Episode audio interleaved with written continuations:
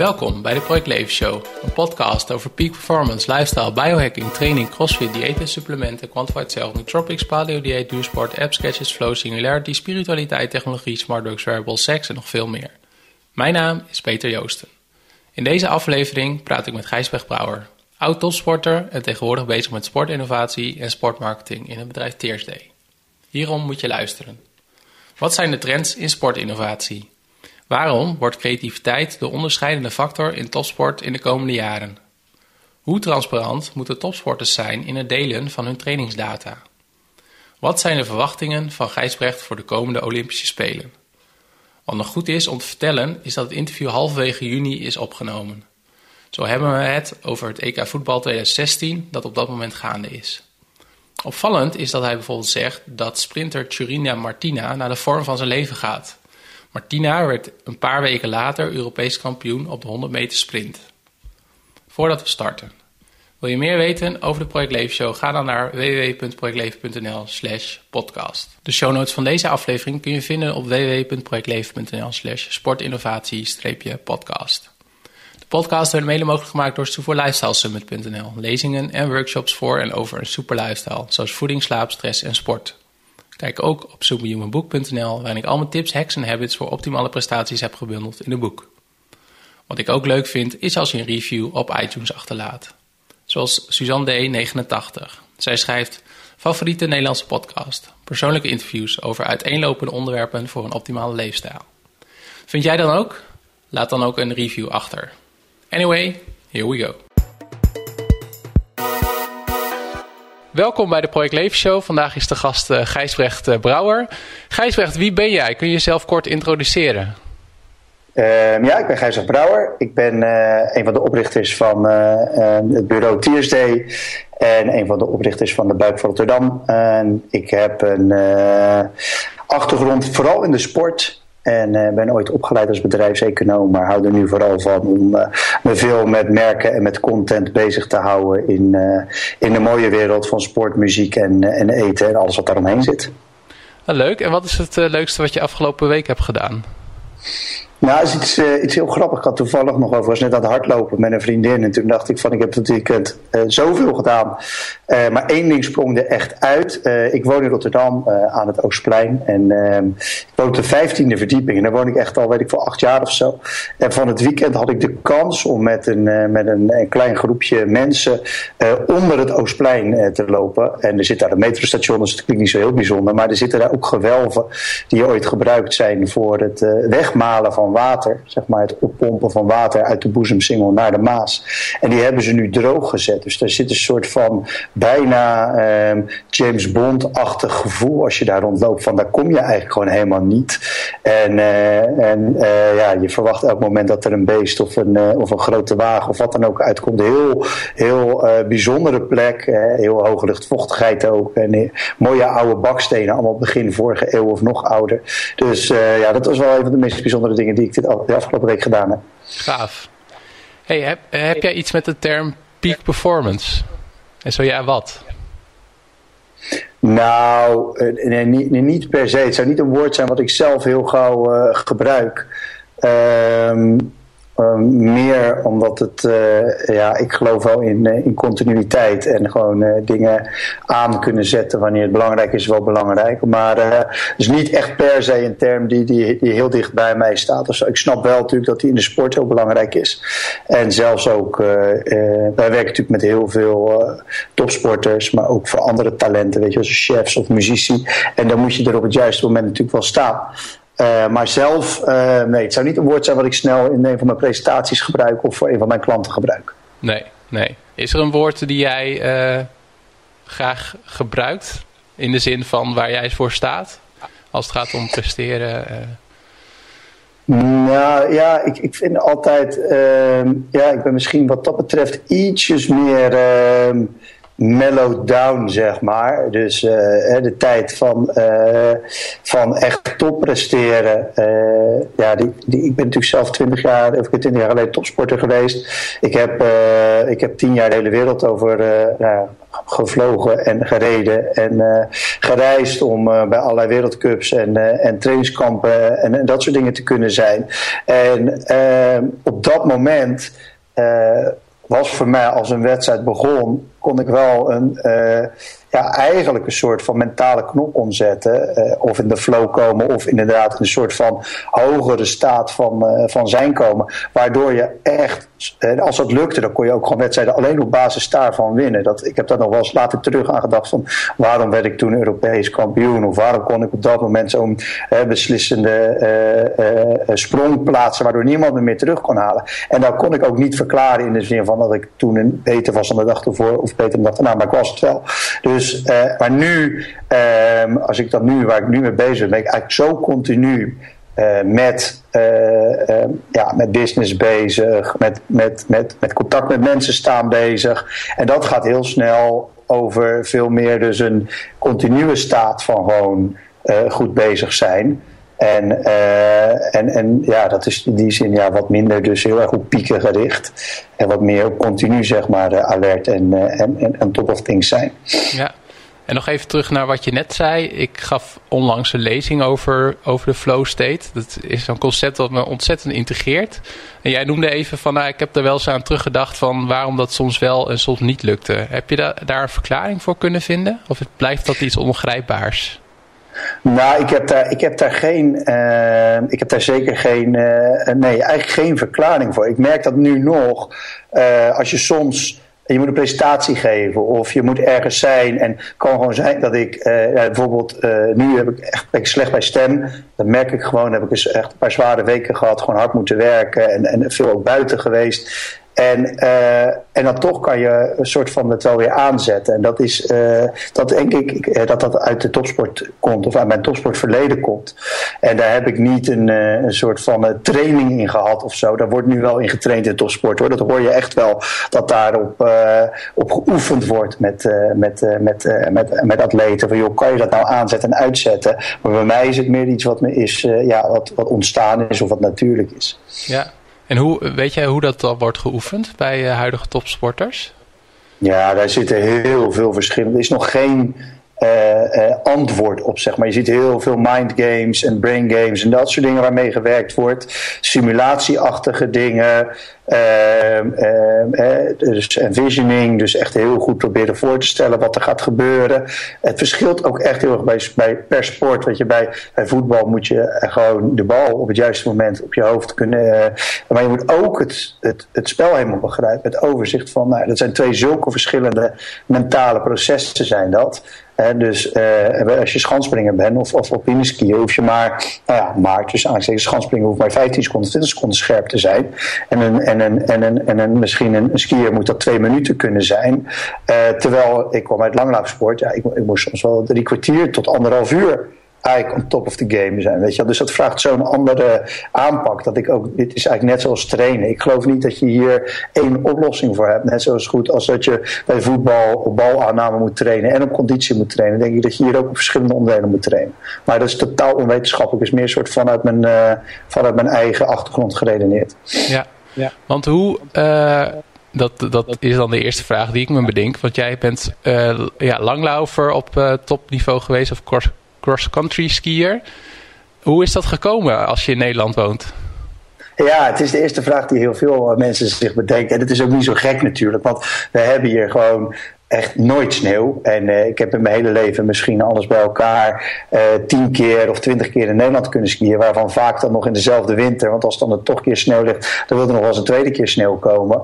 Uh, maar mijn achtergrond, of mijn, mijn langlaufachtergrond komt eigenlijk vooral gewoon vanuit mijn ouders vandaan. Mijn vader was op hoog niveau roeier.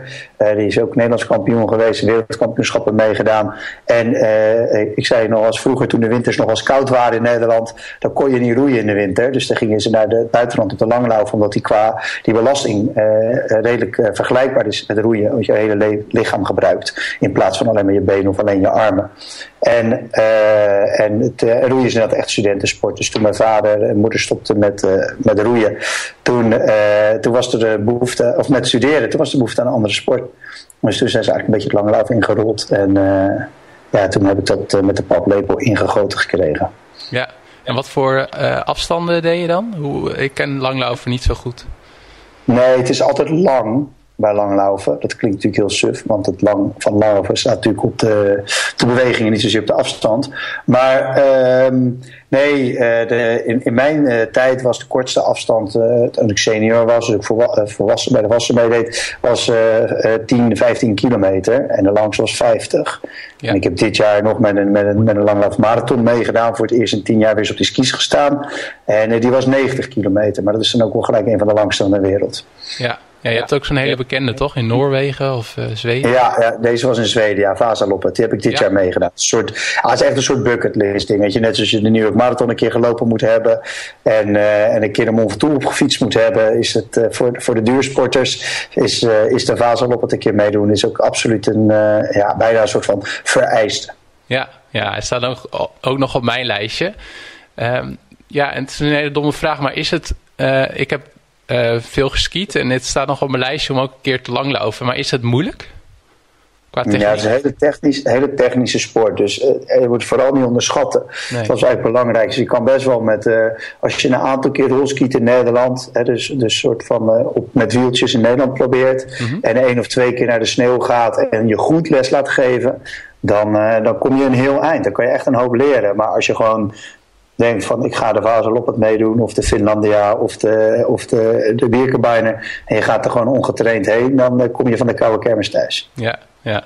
Hey, en hoe is dat uh, toen voor jou gelopen? Want op een gegeven moment ben je dan, je gaan heb je een studie gedaan en ben je gaan interesseren in sportinnovatie en alles wat daaromheen hangt? Ja, ik kwam, ik kwam eigenlijk uit de sport natuurlijk. En, en, en zoals dat in, uh, in ieder geval Nederland, maar bij heel veel topsporters gaat, ja, op een gegeven moment hou je ermee op. Hoe weet oud je wel, was je toen? 25. En, en dat is voor langlaufen eigenlijk te jong. Want de piek bij langlaufen ligt, net als bij wielrennen, wat tussen je 25ste en je 30ste. Um, maar ja, ik was er gewoon klaar mee. Er zat gewoon geen, uh, geen, voor mij geen perspectief meer. Ik wilde de Olympische Spelen halen en dat was niet gelukt. En dat ging, daar was ik ook wel realistisch genoeg voor. Dat ging me ook nooit meer lukken. Uh, niet in, ieder geval als ik niet voor Ecuador zou uitkomen of voor de Colombia en gewoon voor Nederland zou blijven langlaufen. Um, dus uh, ja, dan ga je. Ik heb bedrijfseconomie gestudeerd. Uh, was altijd goed in de, in de, in de marketing- en organisatiekant daarvan. en dacht, nou, dan ga ik daar wel wat mee doen. Dus heb ik een tijdje consultancy gedaan. gewoon buiten de sport. En toen merkte ik al heel snel dat ik daar eigenlijk ja, geen fluit aan vind, zo onaardig. Maar dat die sport maar bleef trekken. Dus ik heb verslaggeving bij Eurosport gedaan, geschreven voor de krant, wedstrijden georganiseerd, training gegeven. Nou, ik heb ongeveer alles wat in de sport bestaat geprobeerd. En langzaam maar zeker kwam daar wel een beeld uit dat dat niet een soort van gescheiden wereld van consultancy, marketing moest zijn. En de gescheiden wereld van sport en alles wat daarmee te maken. Maar dat ik daar gewoon één ding van moest maken. En uh, toen heb ik op een gegeven moment uh, een bedrijfje opgericht uh, dat dat precies ging doen. En, uh, en toen kwam ik, uh, wat, wat mij ook opviel, is dat, dat zeg maar de, de ontwikkeling van de, ja, de opkomst van internet en, en van content en van, van uh, personal brands, die eigenlijk de hele wereld aan het gebeuren was, de sport min of meer helemaal voorbij ging, terwijl die bij uitstek voor elkaar gemaakt waren. Dus toen dacht ik, ik pak die twee dingen gewoon samen. Ik ga gewoon me daarop richten. Ik, eh, ik ga niet klassieke sportmarketing doen. Ik ga niet een klassieke manager van, van atleten worden. Die zijn er echt genoeg. Die markt is, is, is, is, is echt te vol misschien wel. Ik ga gewoon iets nieuws doen. Ik ga iets nieuws uitvinden. En, en dat heb ik vervolgens gedaan. Dus toen heb ik, uh, heb ik dus een bedrijfje opgericht dat zich eigenlijk helemaal op dat nieuwe domein van sport en digital gericht heeft. En... Um, vanuit daar ben ik gewoon een jaar of zes, zeven telkens andere dingen gaan proberen. Gewoon van, nou, oké, hoe is het om de eerste sportapp van Europa te maken? Nou, Oké, gedaan. Hoe is het om een geweldige Olympische campagne met uh, KNVB en uh, NOC-NSF uh, op te zetten en een van de grootste merken van Nederland daarin te ondersteunen? Oké, heb ik gedaan. Hoe is het om eerste generatie wielrenners helemaal op weg te helpen in social media? Oké, heb ik gedaan. Zo, hoe is het om een gigantisch videoplatform waar per jaar honderdduizenden video's over sport bekeken worden, om dat op te zetten en te kijken? Nou, Al die dingen heb ik gewoon gedaan. En als je dat dan een jaar of vier, vijf doet, dan begin je langzaam maar zeker wel te herkennen dat er een bepaalde richting in zit. Dingen waar ik goed in was, maar ook dingen waar ik denk de sport en de merken waar ik voor werkte het meest aan hadden.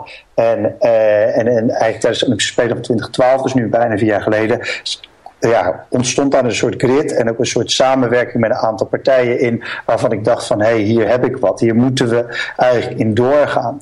En, uh, en toen ben ik uh, daar zus over na gaan denken, met, die, met, de partners gaan praten. En uh, sommige van daarvan werkte ik toen al vier jaar mee samen, drie, vier jaar mee samen.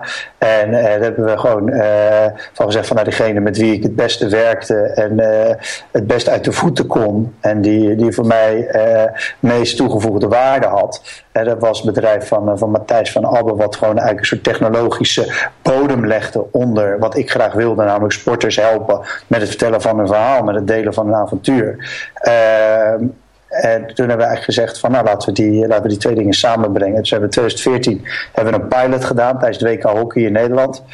En ja, dat was gewoon een heel groot succes. Dus toen hebben we eigenlijk gezegd van we gaan vanaf 2015 daar een bedrijf van maken. Dat is nu anderhalf jaar geleden, de Tears Day. En daar zitten Matthijs en ik allebei van. aan trouwens? Uh, Tyr is de, uh, de Scandinavische, de Noorse god van uh, overwinning en van rechtvaardigheid, gerechtigheid. eigenlijk alle dingen die daarmee samenhangen, die, die voor ons een hele nadrukkelijke combinatie ook met sport vormen want in de sport uh, uh, gaat het ook om, om willen winnen, maar uiteindelijk ook om of dat op een eerlijke manier gebeurt en of je daar ook gewoon achter kan staan. Wij geloven heel erg in het oprechte verhaal. Ook die, de, de, de, ja, het avontuur dat die goden en uh, beleefden in de, in de oude mythen en zagen. dus daar, daar is tier en D is gewoon dat wij vinden dat als jij bezig bent met delen van je avontuur, dat je dat eigenlijk gewoon elke dag moet doen dus daar kan je niet uh, één keer in de maand mee bezig zijn of alleen een week voor de Olympische Spelen. Daar moet je gewoon je hele leven mee bezig zijn. En uiteraard kunnen wij je daarbij helpen en zullen ervoor zorgen dat dat heel weinig energie kost en dat je er heel veel uithaalt. Maar uh, uh, ja, je moet er wel dagelijks mee bezig zijn, dus vanuit TSD. Ja, ja. en wat zijn ja. voor jou of voor jullie de leukste um, projecten of de, de, ja, de sporters waarmee je eigenlijk de grootste transformatie hebt meegemaakt? Of daar wat over? Nou, wat, wat je eigenlijk ziet is dat wij, wij geloven en dat door de opkomst eigenlijk van, van internettechnologie um, heel veel dingen heel veel makkelijker geworden zijn. Hè. Dus uh, uh, heel veel mensen hebben het idee dat ze veel meer moeten. En dat omdat er veel meer kan, dat er veel meer op ze afkomt. Hè. Dus uh, de, de, de, stress die, die internet met zich meeneemt. En zeker topsporters, ja, daar wordt gewoon veel van verwacht. Hè. Vroeger hoefden ze alleen maar te sporten. Toen kregen ze een coach die ging vertellen hoe ze moesten sporten. Toen kregen ze een manager die ging vertellen hoe ze moesten geld verdienen. Toen kregen ze een PR-consultant die ging vertellen hoe ze antwoorden moesten geven op. op uh, nou, toen kregen ze een mental trainer en nu krijgen ze ons er ook nog bij, zeg maar. Weet je wel? Dus, maar wij zijn eigenlijk van de, van de, van de mening dat, dat wij halen juist dingen weg dus wij helpen je om dingen beter te doen. Dat, dat werkt het best in die hoek van de sporter. Maar een sporter, over het algemeen, heeft weinig tijd, weinig geld, weinig zin. Ik chargeer een beetje om dit te doen. dus, dus, dus, je hebt altijd een partij nodig die uh, ja, daar energie in wil steken of daarvoor wil betalen. Want onze dienst is ook niet gratis. Dus simpel gezegd werken wij altijd enerzijds voor atleten dus die, die de, energie hebben, de fans hebben, uh, gave dingen meemaken die eigenlijk op avontuur zijn. En anderzijds werken wij voor, voor grote bedrijven, voor merken, voor sportmerken, voor sponsors, voor advertisers, die een stukje van die energie en van die fans, van die sporters willen lenen. En eh, dat betekent dus dat je aan de linkerhand in, in ons geval bijvoorbeeld voor Trendy Martina werkt, of voor Marianne Vos, of voor uh, Olympisch ruiter Tim Lips, of voor Ellen Hoog, of voor Sharon van Rouwendaal, of Marine de Verkerk. Eigenlijk allemaal mooie Olympische sporters. En aan de rechterkant werken we dan voor Egon, voor, voor Rabobank, voor Deltaloid. En eigenlijk grote Olympische sponsors of sportsponsors, uh, maar ook verbonden zoals de Roeibond, de, de Paardensportbond, voor evenementen. Dus zo, uh, voor teams. Dus zo, zo, werken we eigenlijk voor die hele keten of het hele netwerk van de sport. En leggen wij, leggen wij de verbinding tussen waar de, de behoefte zit aan uh, um, het energie van de sport en waar, de, en waar die energie daadwerkelijk zit. Ja, en wat, wat vind jij ook uh, nationaal of internationaal gezien mooie voorbeelden van atleten die het heel goed doen of merken die het heel goed doen of sporten die het heel goed nou, doen? De, het leuke is dat, dat, je, dat wij zijn heel erg van het, en dat klinkt heel uh, clichématig, maar ik zeg het toch, wij zijn heel erg van het echte verhaal. Het gaat erom dat je ziet wat er gebeurt en dat dat niet iets verzonnens is. dus, uh, dus wij proberen over het algemeen ook best wel weg te blijven van het hele reclamische, dat hele mooie verwoorden met de juiste camera, met de juiste sluiterstand op het juiste moment, op een strand in Zuid-Afrika geschoten. Weet je wel, ja, dat is niet heel erg wat past bij, bij onze manier van, uh, van content maken. Um, en dat betekent dus dat ik, ik ben bijvoorbeeld een heel groot fan van Nike als merk. En ik vind dat zij heel veel dingen goed doen. Uh, maar zij kiezen wel heel vaak voor die sporters om die naar een soort reclamisch niveau op te tillen. Dus je hebt Daphne Schippers, wat gewoon een geweldige vrouw is. Uh, in elk opzicht. En die eigenlijk gewoon ook op een hele manier grappig is. Uh, of interessant, of juist ook naast de baan. Maar ja, daar maken ze dan een soort Wonder Woman van. Hè, dus die, die wordt helemaal in een soort bepaalde stilo gehezen. En daar wordt de meest sexy vrouw van de wereld gemaakt. Nou is een geweldig knappe vrouw. Maar ja, uiteindelijk, of dat nou echt Daphne is, dat weet ik niet. En wij, wij kiezen bijna altijd voor om die transformatie eigenlijk los te laten. Zeggen, joh, wees gewoon wie je bent. Kijk, mensen zien wel wat er gebeurt met die sport. Dat is op televisie, dat is op Twitter, dat is op Facebook, dat is op Instagram, dat is op Snapchat, dat is overal. He, daar ontkom je bijna aan. Zeker niet als je ervoor interesseert. Maar ze zien niet wat er gebeurt zodra je van de baan afgaat. Zodra jij gaat trainen, zodra je gaat eten, zodra je met je vriendinnetje of je vriendje op pad gaat, zodra je een keer slecht voelt, zodra je keer echt zeg maar, leeft zoals we allemaal leven. Terwijl de fans daar het meest geïnteresseerd in zijn. Dus het gaat niet alleen over die perfectie of over dat juiste moment of die hele goede make-up of die geweldige kopie die eronder staat door het reclamebureau verzonnen. Het gaat juist over de 99% van de tijd dat dat niet is. dus dat je wel gewoon, net als, als, als wij, gewoon normale figuren, uh, dingen moet laten, pijn moet lijden, teleurgesteld ben, maar ook gewoon lol hebt of iets geks eet of uh, uh, je tas niet kan vinden als je op het vliegveld bent. Weet je wel? Dus, dus wij zoeken heel erg naar dat soort mensen. En het grappige is dat je dan wel met helden te maken hebt en met, met mensen die op avontuur zijn en die heel inspirerend zijn. Uh, maar dus niet met die soort van ubermensen die, die, die topfiguren uh, uh, te maken hebben. Zoals Cristiano Ronaldo of, of dat soort figuren. Die, ja, die eigenlijk veel leuker zijn als ze een keer een slechte dag hebben dan als ze een goede dag hebben. Ja. Dus onze, onze, onze atleten, ik werk voor hele leuk, ik noemde net al een paar, maar Marianne Vos is geweldig om mee te werken, Sharon van Rouwendaal is geweldig om mee te werken, Jenny Martina is tof, maar ook, je, ik, ik kan er bijna geen één opnoemen die wij nu op dit moment in zijn stal hebben, die niet leuk is om mee te werken. Weet je. Het zijn gewoon, allemaal hebben ze hun eigen, uh, ja, zijn bezig met hun eigen avontuur. En omdat wij het dus wat meer leven als jouw avontuur, kan je het ook niet heel gauw fout doen. Of doe je het niet heel gauw. Hoogstens zou je het wat meer kunnen doen. Of wat leuker. Of kun je van overtuigd zijn dat je leukere dingen kan delen. Of meer kan delen. Omdat je fans dat belangrijk vinden. Dus wij zitten veel meer op het uitleggen van. Nou ja, gooi die bescheidenheid maar overboord neem maar wat meer fans bij, eh, fans bij je aan boord, wat meer mensen bij je aan boord. Uh, en je zal ervoor beloond worden. En eigenlijk is dat ook altijd zo. Zodra uh, sporters dat oppakken, dan, dan zie je ook gewoon gelijk. De, de, nou, het begint al met een soort positive engagement. Veel meer betrokkenheid van fans die heel erg blij zijn, heel erg aardig doen. maar ook gewoon groei op allerlei punten. Dus meer, meer fans of meer bereik of betere scores als het gaat om wat er gebeurt met het bereik. Of meer sponsors die zich aanmelden. Dus uh, dat, uh, ja, dus dat, uh, dat, dat, dat, speelt eigenlijk zodra je een beetje die openheid betracht. En dat betekent echt niet dat je alles moet laten zien, maar in ieder geval fans er meer bij betrekt, dan, dan gaat dat heel snel. Ja, ja. ja. En zie jij behalve um, de contentkant, social media kant, andere in, interessante innovaties in de sport. En de reden waarom ik dit vraag is omdat ik jou uh, eerste keer heb ontmoet. Ik denk twee, drie jaar geleden op een Quantified Self Meetup. Dus we ging het heel erg over uh, ja. ja. gadgets, wearables, uh, andere dingen. Zie jij, nog and zie jij nog andere trends? Nee, absoluut. Hè? Dus ehm, kijk, voor ons gaat het heel erg om, om dat avontuur in beeld brengen. En, uh, en daar, uh, daar is natuurlijk. En, stiekem zit daar natuurlijk wel een stuk redactie zit daarachter. Hè? Want uh, daar moet je ook gewoon over nadenken. Wat is interessant om te delen? En, uh, en tien jaar geleden kon ik niet elke dag een, een, foto delen. of konden sporters dat niet? Die hadden geen iPhone of geen Samsung smartphone met een goede camera erop, met snelle verbinding van internet. En, en, en daardoor uh, was dat gewoon onmogelijk. Dus dan moest er een cameraploeg mee, of moest er een dure fotograaf mee, moest dat me heel ingewikkeld geüpload worden of met een courier terug naar Nederland gebracht worden. Nou, dat hoeft allemaal niet meer. dus die, uh, die terugblik vind ik altijd heel relevant om aan te geven van waar we nu staan met sporters. En die sporters die kunnen ontzettend veel delen met hun fans en daardoor hun avontuur veel beter in beeld brengen.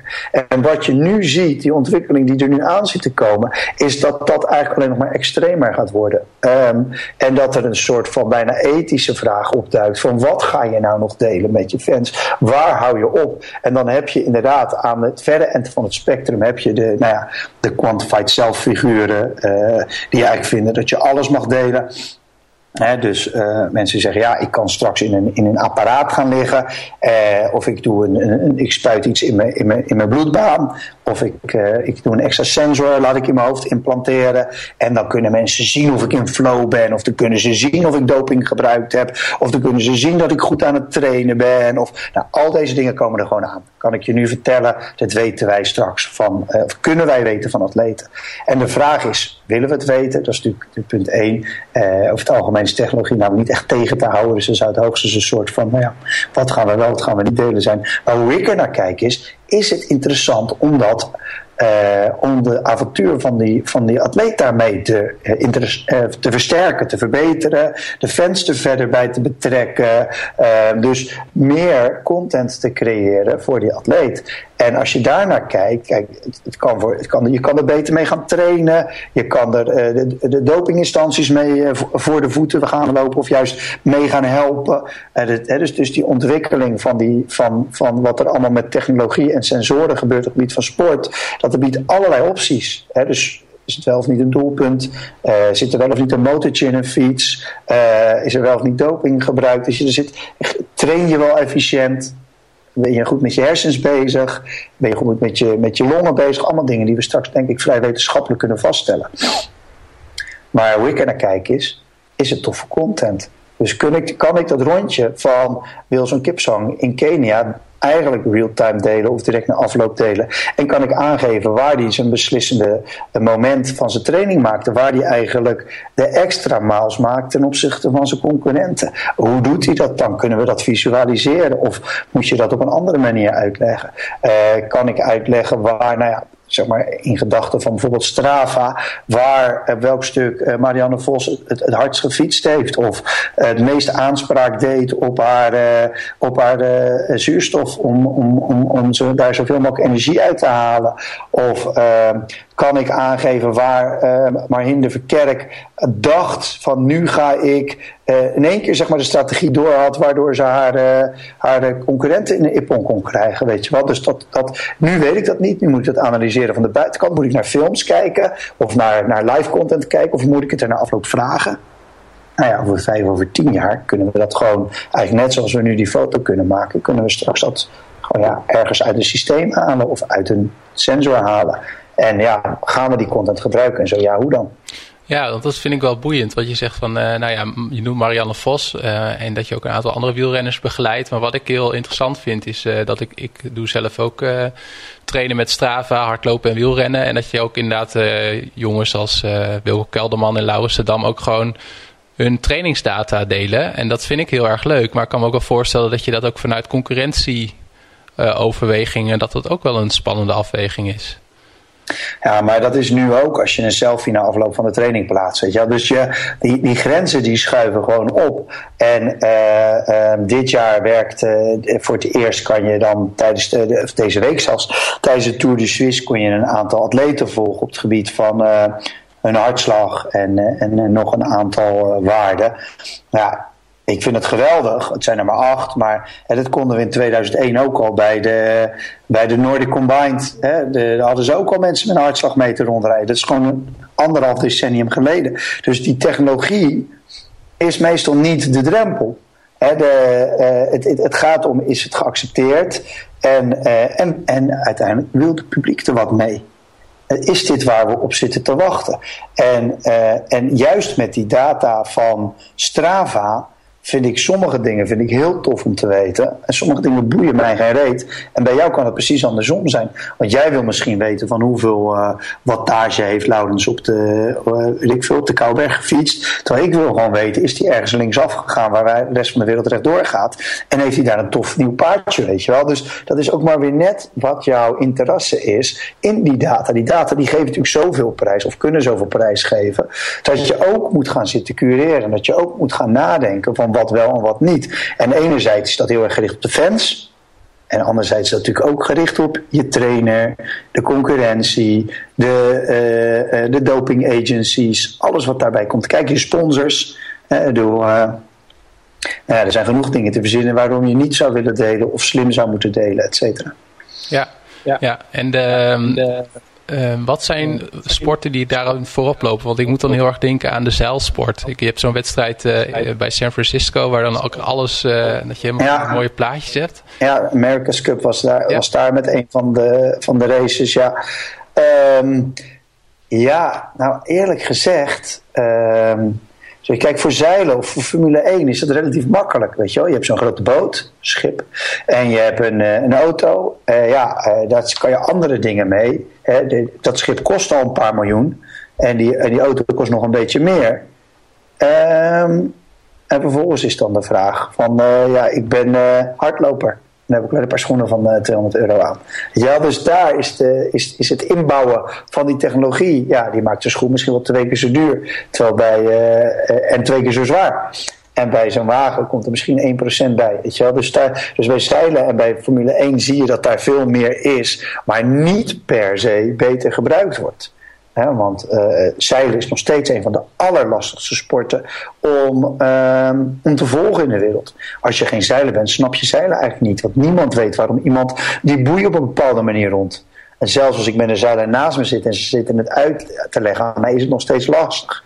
En, uh, en ook Formule 1, zelfs met uh, Albert Kalf uh, erbij en met, met Olaf Mol erbij. Nog steeds snap je soms niet waarom bepaalde inhaalmanoeuvre wel of niet lukt. Of waarom bepaalde strategieën van teams zo werken zoals ze werken. Dus, um, dus het, ook hier komt het dus weer aan op een kwestie van curatie en van de juiste content uh, delen.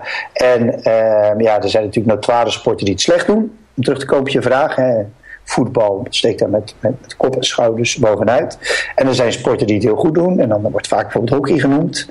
Nou ja, hockey, er spelen zeven landen in de wereld, of tien landen in de wereld. En voetbal spelen 210 landen in de wereld. Dus kijk, de belangen zijn natuurlijk ook anders daarin.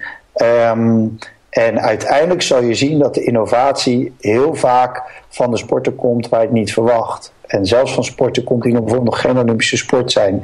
En eh, de, de, grote innovatie, niet zozeer op het gebied van data, maar wel bijvoorbeeld op het gebied van content, die wij nu meemaken, die is uiteindelijk begonnen in de, in de wereld van, uh, van zeg maar uh, urban, skateboard, surfing. Weet je, daar hadden die gasten hadden prima door dat je, je, dat je eigenlijk helemaal niet zozeer niet zozeer ging om de wedstrijd winnen, sterker nog, daar doen zij helemaal niet aan, maar om de gaafste truc. En vooral, want dat is zeker in skateboard, is dat enorm belangrijk, alle dingen die je daarvoor moet doen om die truc uh, te bereiken. Natuurlijk wil je dan die ene piece, zoals ze dat dan noemen, goed in beeld brengen. Maar ja, de, de films waarin staat, waarin laat zien hoe dat uh, tien keer mis is gaan, die, uh, die doen minstens even goed. Ja, ja, ja. Ik, ik, tijdens die flow-lezing waar ik over vertelde, haal ik ook een aantal documentaires op Netflix aan. The Motivation en Higher. Dat zijn allemaal die extreme actiesporters en, en hun weg eigenlijk naar wat ze ervoor ja. doen. Ja, ja. Hey, en nog... Um, twee dingen waar ik over nadacht in de voorbereiding op dit interview. Hoe kijk jij aan tegen bijvoorbeeld uh, robots in de sport en van die computersporters, dus die uh, van die kampioenschappen FIFA spelen en zo? Doe je daar dingen mee? Ja, nee, we doen er weinig mee. Het is wel echt een van de, uh, zeg maar dit jaar, een van de belangrijkste thema's in, in de sport. In één keer heeft iedereen e-sport omarmd. En ehm, dat is natuurlijk ook van belangrijk deel te maken met de doelgroep dus jongens tussen de, tussen zal maar zeggen, de 10 en de 30 zijn het lastigst te bereiken. De doelgroep die er is op deze wereld ongeveer. En Toevallig doen die allemaal aan gaming. Dus, uh, dus ineens is e-sport dan belangrijker te kunnen we, weet ik veel, scheermesjes gaan verkopen. Of, uh, of uh, mensen laten zien dat ze echt toch toch auto's moeten gaan kopen. Of mobiele abonnementen moeten afsluiten. dus daar is die doelgroep natuurlijk heel interessant voor. Um, meer op een, op een hoger niveau. En of dat nou via de, de AI en, en, en, en, en softwarekant komt, of dat nou een hardware ding is in de termen van, van robots, is dat er een soort hybride model aan het ontstaan is. Tussen wat uh, uh, menselijk is en wat niet meer menselijk is. En uh, stiekem is die hele opkomst van die data-analyse, is, daar al een, uh, is daar al een eerste stap voor. Want als je nu naar het EK voetbal kijkt, eigenlijk kan iedereen kan daar meedoen. Zijn 24 landen mee. En of het nou Albanië is of Wales, Iedereen is in staat om in ieder geval 80 minuten en soms 90 minuten mee te voetballen. En dat is puur omdat we weten eigenlijk op basis van data hoe we moeten verdedigen tegen zelfs de beste landen. Dat we zelfs Cristiano Ronaldo uit zijn spel kunnen halen. Dat we zelfs, nou ja, zelfs Nederland kunnen voorkomen als ze een keer het gewoon een slecht half jaar hebben. Dat ze meedoen aan dat EK. Terwijl ze nog derde waren in het WK daarvoor, tweede in het WK daarvoor. Weet je wel? Dus dat, uh, dat uh, die, die opkomst van die data, die data-analyse, die maakt.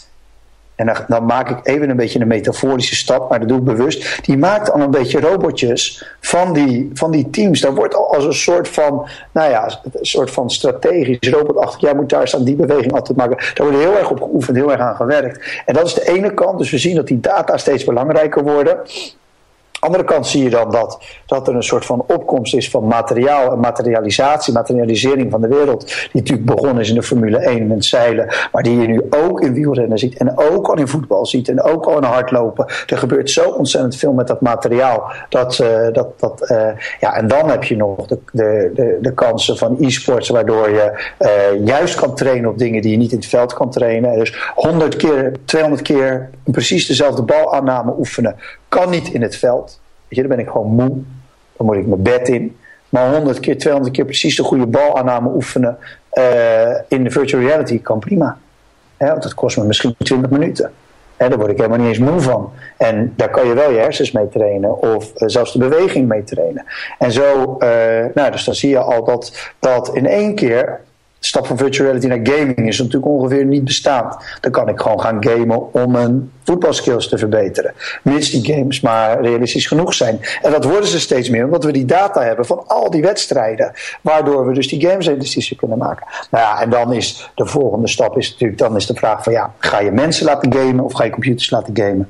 En ja, dat is, dat is, ja, daar zitten we dan in. En dan, dan kan je nog zeggen van wil ik het als virtual reality zien of wil ik het als echte reality zien? Nou ja, een echte reality, of dat dan robots zijn, of drones, of clones, of weet ik veel wat. Ja, dan loop ik misschien een beetje ver voor de tijd uit. Maar de, de, de, het belangrijkste element hierin is wat nog wel eens vergeten wordt, is dat, dat dan het nadeel van, van uh, algoritmes en AI op dit moment is natuurlijk dat het eigenlijk heel erg voorspellend werkt. eigenlijk zijn het gewoon grote kansberekeningsmachines. En het nadeel van heel goed kans kunnen berekenen is dat de kans dat iets gebeurt wat je niet wilt dat er gebeurt, steeds kleiner wordt. En dat is juist de kracht van sport natuurlijk. Dat er dingen gebeuren die je niet voor kan stellen.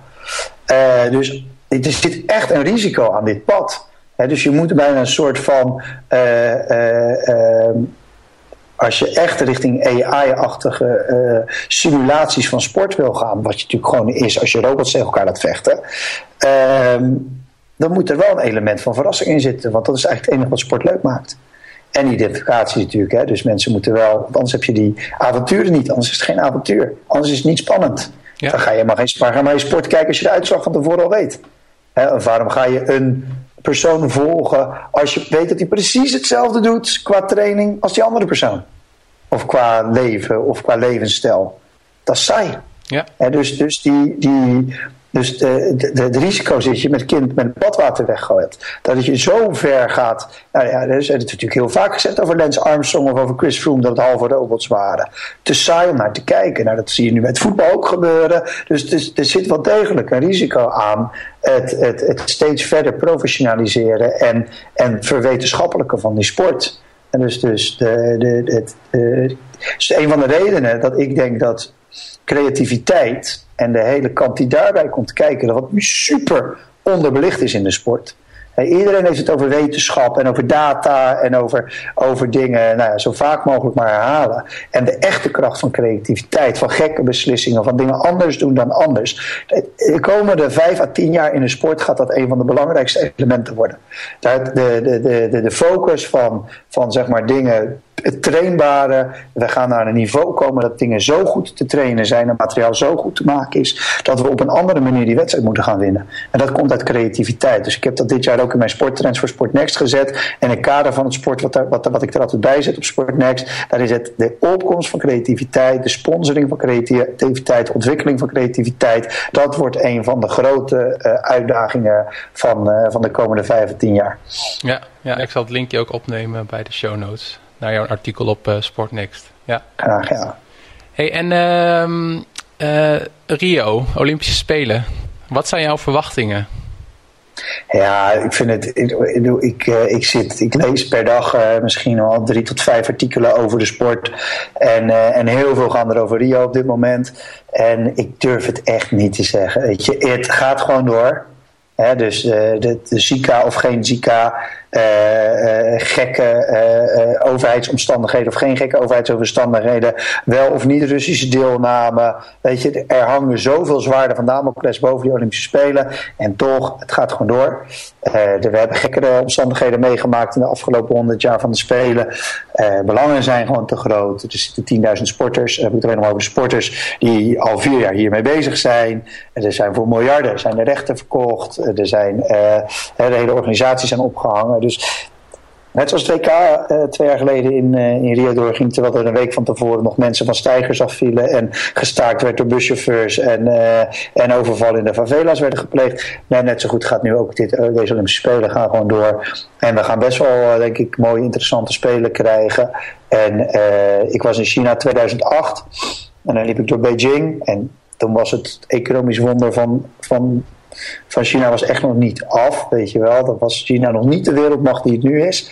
Uh, wel natuurlijk heel erg op weg. En op een gegeven moment toen gingen we, waren we niet in Beijing, want in Beijing was echt alles perfect. Die verboden stad, alles was even mooi, alles was even georganiseerd. Toen moesten we naar een, uh, een wedstrijd voetbal kijken in uh, Tianjin. Ze reden met een bus langs de straat en, uh, of door de stad heen. En ik, en ik keek naar rechts en toen keek ik nog een keer. Ik denk, hè? Uh, ik, zag in één keer een soort van viezige kindjes spelen uh, op straat. Dat, ik was al drie of vier dagen in, uh, in, in, in China. Ik had nog geen, geen viezig kindje gezien. Dus ik, denk, ik keek nog een keer en ik zag het niet meer. Hoe kan dat nou? Dus ik ging beter kijken. Toen hadden ze een soort van mega grote poster. Hadden ze voor zo'n klein straatje opgehangen. Zo'n soort steegje.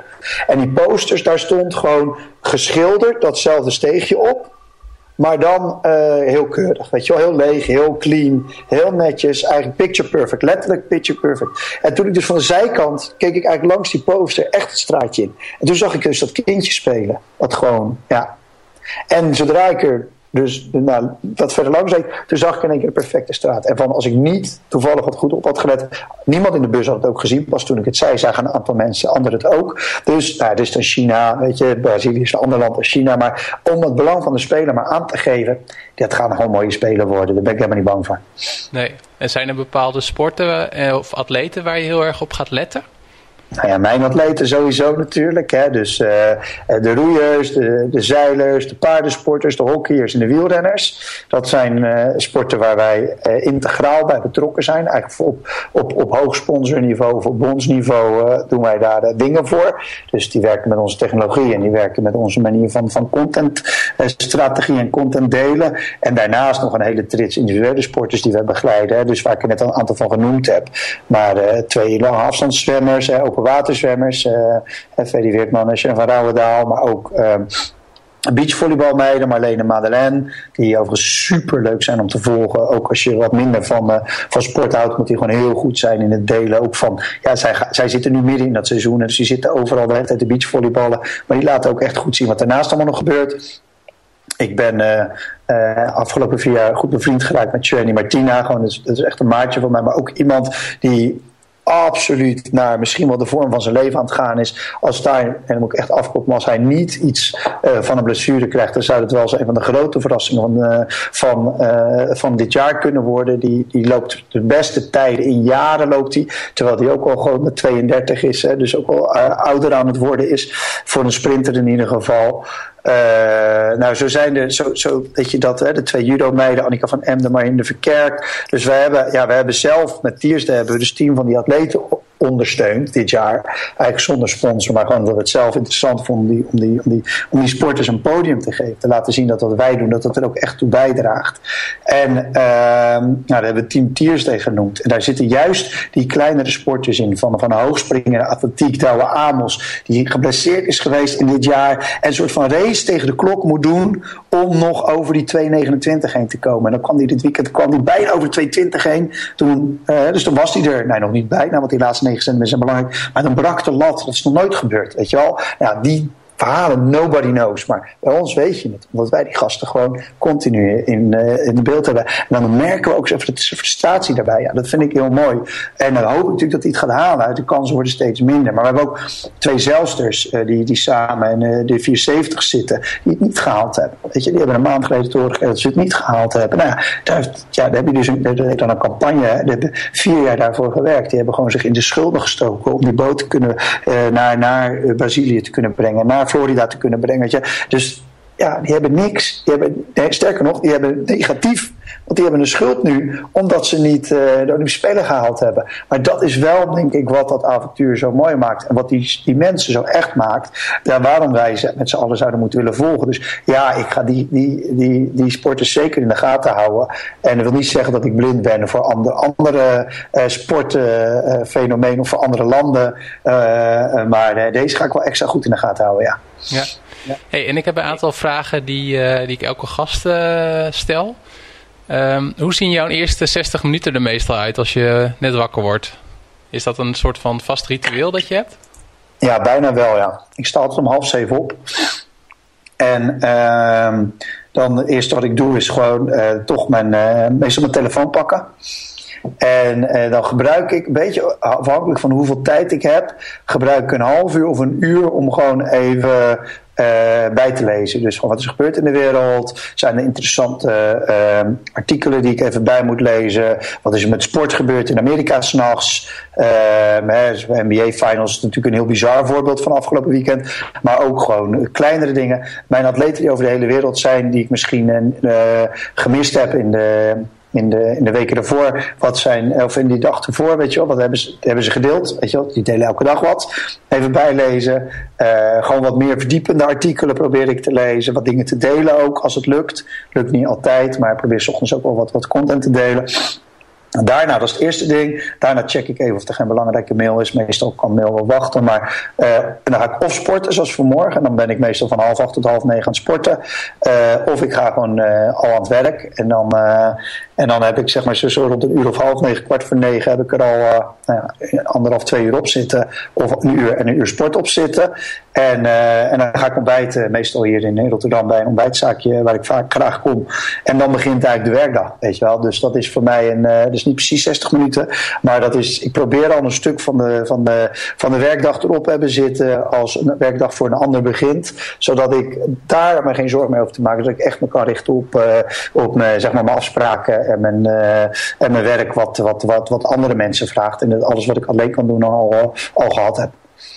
En heb je ook een gewoonte die andere mensen bizar, raar of vreemd vinden? Nou ja, ik denk dat heel veel mensen mijn leven wel bizar vinden. Uh, in de zin van dat ik. ik uh, ja, ik, haal wel heel veel. Uh, ik, ik leef heel erg in het. Uh, om de, de term te gebruiken, heel erg in nu. Dus ik haal heel veel uit mijn leven. Ik heb twee bedrijven die allebei eigenlijk uh, fulltime aandacht vragen. dus die is in de buik van Rotterdam. En dan doe ik daarna nog de Sportnext en Livescope die ook nog wel aandacht vragen. En daarnaast ben ik gewoon wel heel veel actief in, in het, zeg maar het culturele en het uitgaansleven van, van in ieder geval Rotterdam. Soms ook Amsterdam. En.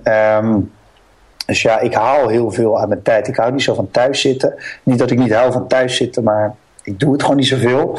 Uh, en uh, ik, heb, ja, ik ken genoeg mensen die al moe worden als ze naar mijn, uh, alleen naar mijn Instagram feed kijken of naar mijn website kijken.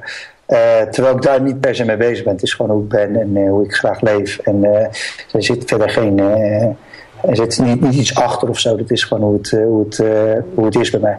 Ja, en wat wilde je worden toen je klein was? En, nou, ik, ik, ben nooit zo heel erg met idols en met uh, ambities bezig geweest. En dat heb ik nu ook nog niet echt. Dus uh, ik leef uh, wat dat betreft echt een beetje gewoon in, ja, in het nu of in mijn eigen wereldje.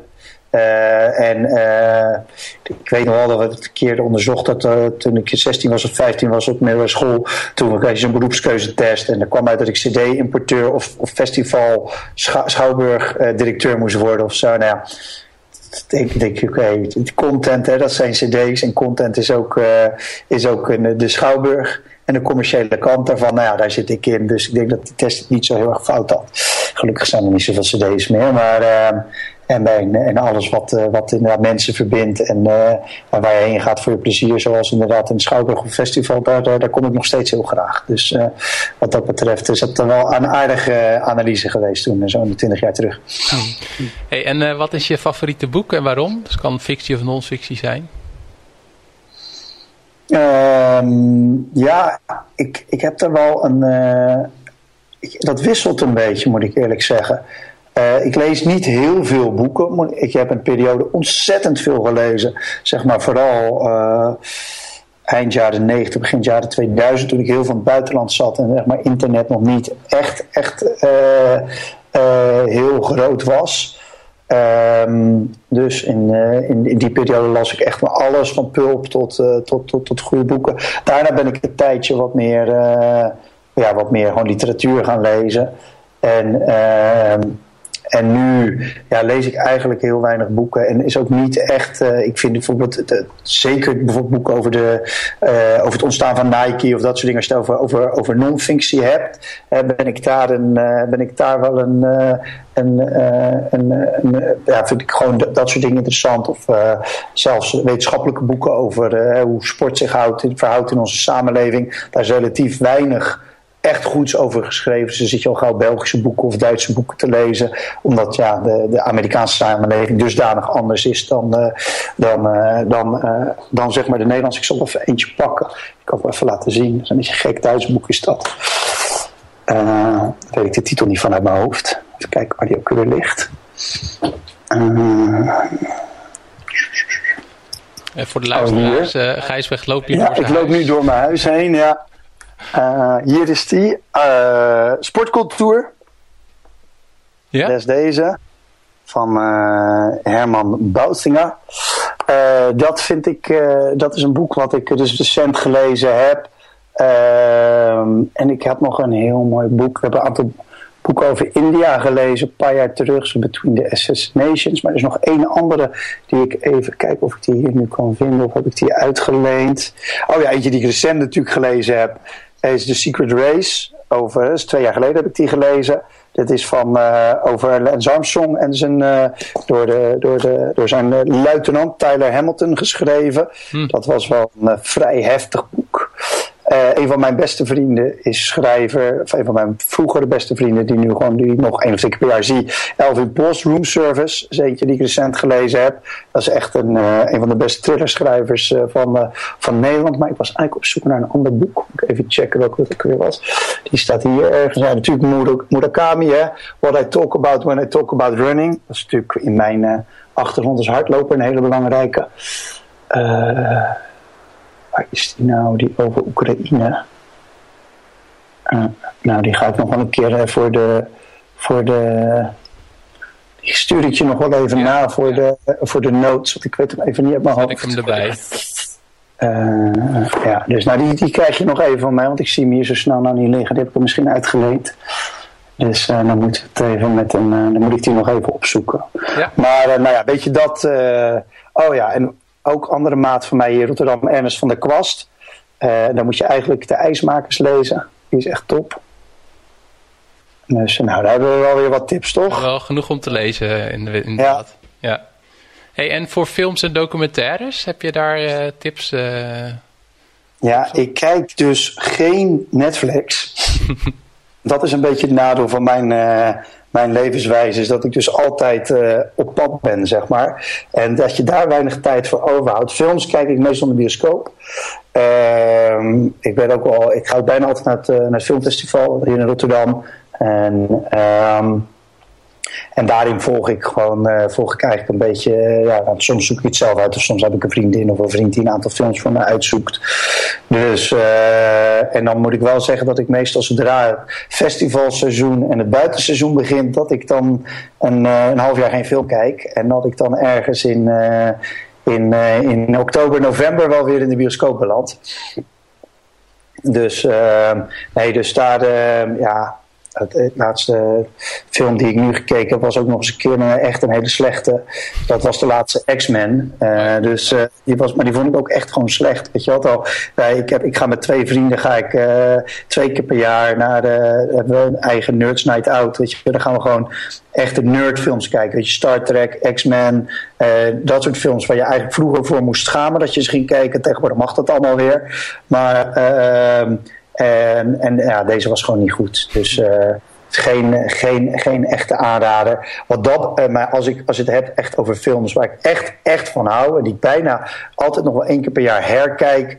Is het uh, Minority Report en Blade Runner omdat dat voor mij uh, ja, gewoon nog, nog steeds op een hele goede manier uh, als uh, nou ja, mijn trendwatching rol zeg maar, altijd nog wel weer nieuwe dingen en insights geeft als het gaat om waar het heen gaat met de maatschappij. Terwijl bijna zowel Blade Runner als Minority Report bijna, wel bijna de tijd leven dat die films zich afspelen. Ja. Dus dat is natuurlijk heel, heel freaky is dat. Nou, ja, nog steeds geen vliegende wagens. Maar sommige van die voorspellingen zijn echt kansloos goed. Dus dat blijft altijd mooi om daarnaar te kijken. Ja.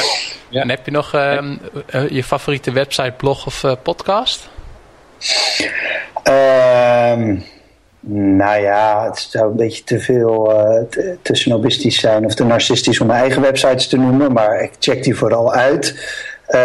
ik, heb een nieuws, ik vind de nieuwsbrief van Dave Pell vind ik heel goed. Hè, dus Next Draft. Die, is, uh, dat vind ik, dat, die lees ik eigenlijk bijna elke dag. En hier in Nederland vind ik de dagelijkse nieuwsbrief van Erwin Blom vind ik heel goed. Die lees ik bijna ook altijd. Uh, voor, voor de Fast Moving Targets uh, fans. En ehm, ja, ik kan zo kijken wat er open staat op dit moment. dan betekent meestal wel waar ik... meestal komt dat toch uit de, via de Facebook komt dat binnen. Heb ik voor de dingen, ja, Soundcloud luister natuurlijk gewoon heel veel muziek luister ik. Dus Soundcloud en Spotify zijn voor mij heel belangrijk. Nou, dus dat is het een beetje. Ik denk dat dat wel de, de belangrijkste zijn op dit moment. Naast de, de beroemde social networks, ja. En als er één ding is die je mensen nog wil meegeven als we straks klaar zijn met het luisteren naar deze podcast, heb je daar nog iets, een, uh, een verzoek? Nou, ik ben niet zo ik ben niet zo stichtelijk, dus uh, uh, tenminste niet als ik uh, zo ochtends vroeg in ieder geval. Ehm, dus ik denk wel dat dat het dat nooit zeg maar, onderschatten van, uh, van wat de impact is van, van zeg maar, digitale media en, en, de, en de huidige positie van content en, de, en, en hoe geëmancipeerd mensen eigenlijk door technologie geworden zijn. Dat wordt echt nog dag in dag uit, vind ik, wordt dat onderschat. Dus uh, um, en zelfs door mensen die, die, echt beter zouden moeten weten, dat bedoel ik dan niet, uh, dan ben ik toch een beetje stichtelijk misschien, maar als jij uh, uh, het hebt over uh, waar marketing-euro's uitgegeven moeten worden.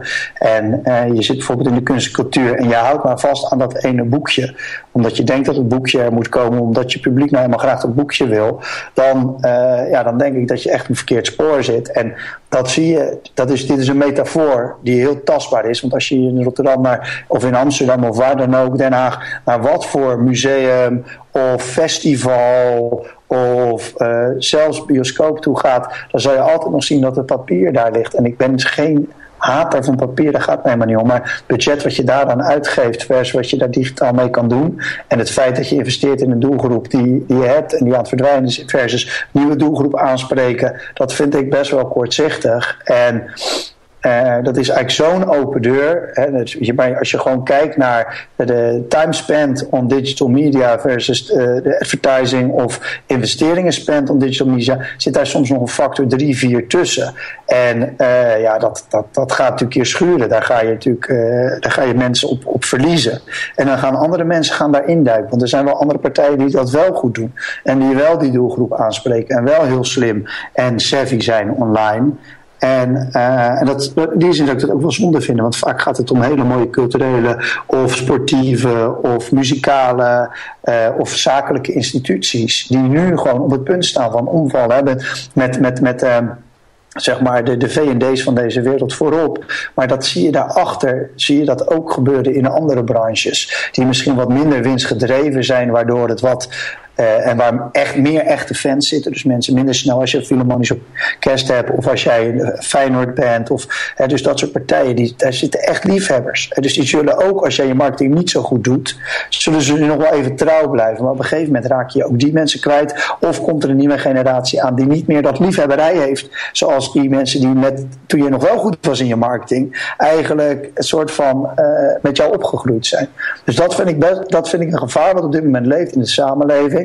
Uh, en waar, de, waar helemaal niet zo ingewikkeld is om wat aan te doen. Dus waarom zouden we dat niet, niet aanpakken met z'n allen? Ja, ja. En de laatste drie vragen hebben we nog iets uh, gemist in het interview waarvan je zoiets hebt van, nou, dat wil ik nog echt even graag even benoemen. Nou, nee, ik heb, uh, ik heb meer dan een uur gekletst volgens mij. Dus als ik het daar niet in kan, dan, dan lukt het sowieso niet. Nee, en wat vond je van het interview? Uh, nou ja, ik vond het begin interessant. Ik moet zeggen, die, uh, uh, die dat hele flow denken. Ja, ik ben er ik, ik heb het nou helemaal, maar ik ben er niet zo heel erg mee bezig. Uh, de rest is veel meer common ground voor mij. Hè. Dat is veel meer uh, waar, waar, mensen normaal gesproken, zou ik maar zeggen, naar vragen. Dus ik vond die afwisseling vond, vond ik wel leuk. En uh, ja, ik ben vooral benieuwd. Ik heb geen idee. Ik heb me ook voor de rest niet in verdiept. Ik vond je vraag interessant, dus ik heb ook geen idee wat de impact van, jou, van jouw podcast is. En of ik er ooit nog wat van terug ga horen, bedoel ik niet lullig. Maar dus dat is het mooie van internet. Ook al luisteren tien mensen daarnaar, dan, dan is het natuurlijk al heel nuttig geweest. Maar daar ben ik gewoon benieuwd naar. Ja, ja. Hey, en uh, tot slot, je hebt het al even genoemd, maar waar ben jij te vinden op internet en social media? Ja, uh, het, het, makkelijkste. Hey, mijn naam is, is, ja precies. Mijn, mijn naam is Gijsbrecht. Hè, dus G lange I S B R E G T. Hè, dus als je maar de CH, uh, Google die corrigeert je overigens wel. Als je een CH schrijft, maakt hij er wel een G van. Um, maar ja, en als je dan kijkt op Twitter of op Facebook of op LinkedIn of op gewoon gijzig.nl uh, of Instagram of Snapchat. Eigenlijk ben ik gewoon overal Gijsbrecht. Dus wat dat betreft ben ik heel makkelijk te volgen en te vinden. En, uh, en als je naar me googelt, dan, uh, dan, ja, dan sta ik wel ergens, meestal met een stuk of tien op de eerste tien, de eerste tien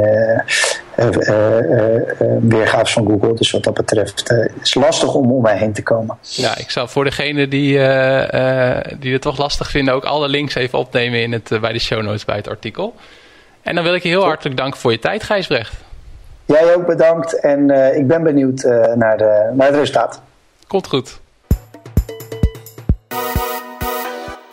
Bedankt voor het luisteren naar de Project Leven Show. Wil je meer weten over de Project Leven Show? Ga dan naar www.projectleven.nl slash podcast.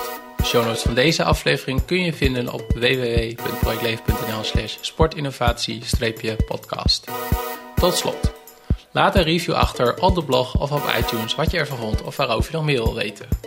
Wat je ook kan doen is mijn e-mail sturen op peter.projectleven.nl Wil je niets missen van de Project Leven Show? Ga dan naar facebook.com slash projectleven of abonneer je op deze podcast via iTunes, Stitcher of Overcast.